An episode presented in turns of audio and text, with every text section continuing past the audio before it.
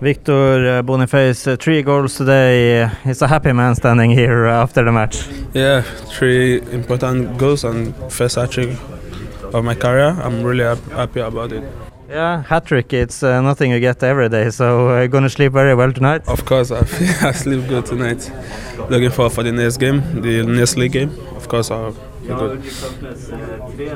The two two first goals are pretty good goals from you, but uh, I want to talk extra about the penalty because. Uh, uh, when you see the referee points to the spot, then you are you are pretty confident that I, am gonna take that penalty. That that one is mine. Yeah, yeah, yeah. Because I scored two already. Then I talked to Hugo for let, for him to let me take it, and I feel confident about it because I'm really good at taking penalties. So I feel confident about it, and I'm happy I scored and uh, through the bar as well. They, it was no doubt that that one was going in the goal. I was, to be honest, I, when I shoot it, I just want to shoot it really hard in case the goalkeeper go through it. But um, but luckily the crossbar coming, so I'm happy.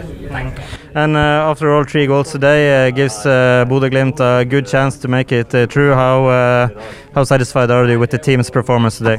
Yeah, winning at home is really good, but right now we are focusing on the game against Sarpsborg at home, the league game. So after the league game, we focus on the return leg. Thank you, Victor, and congratulations with three goals.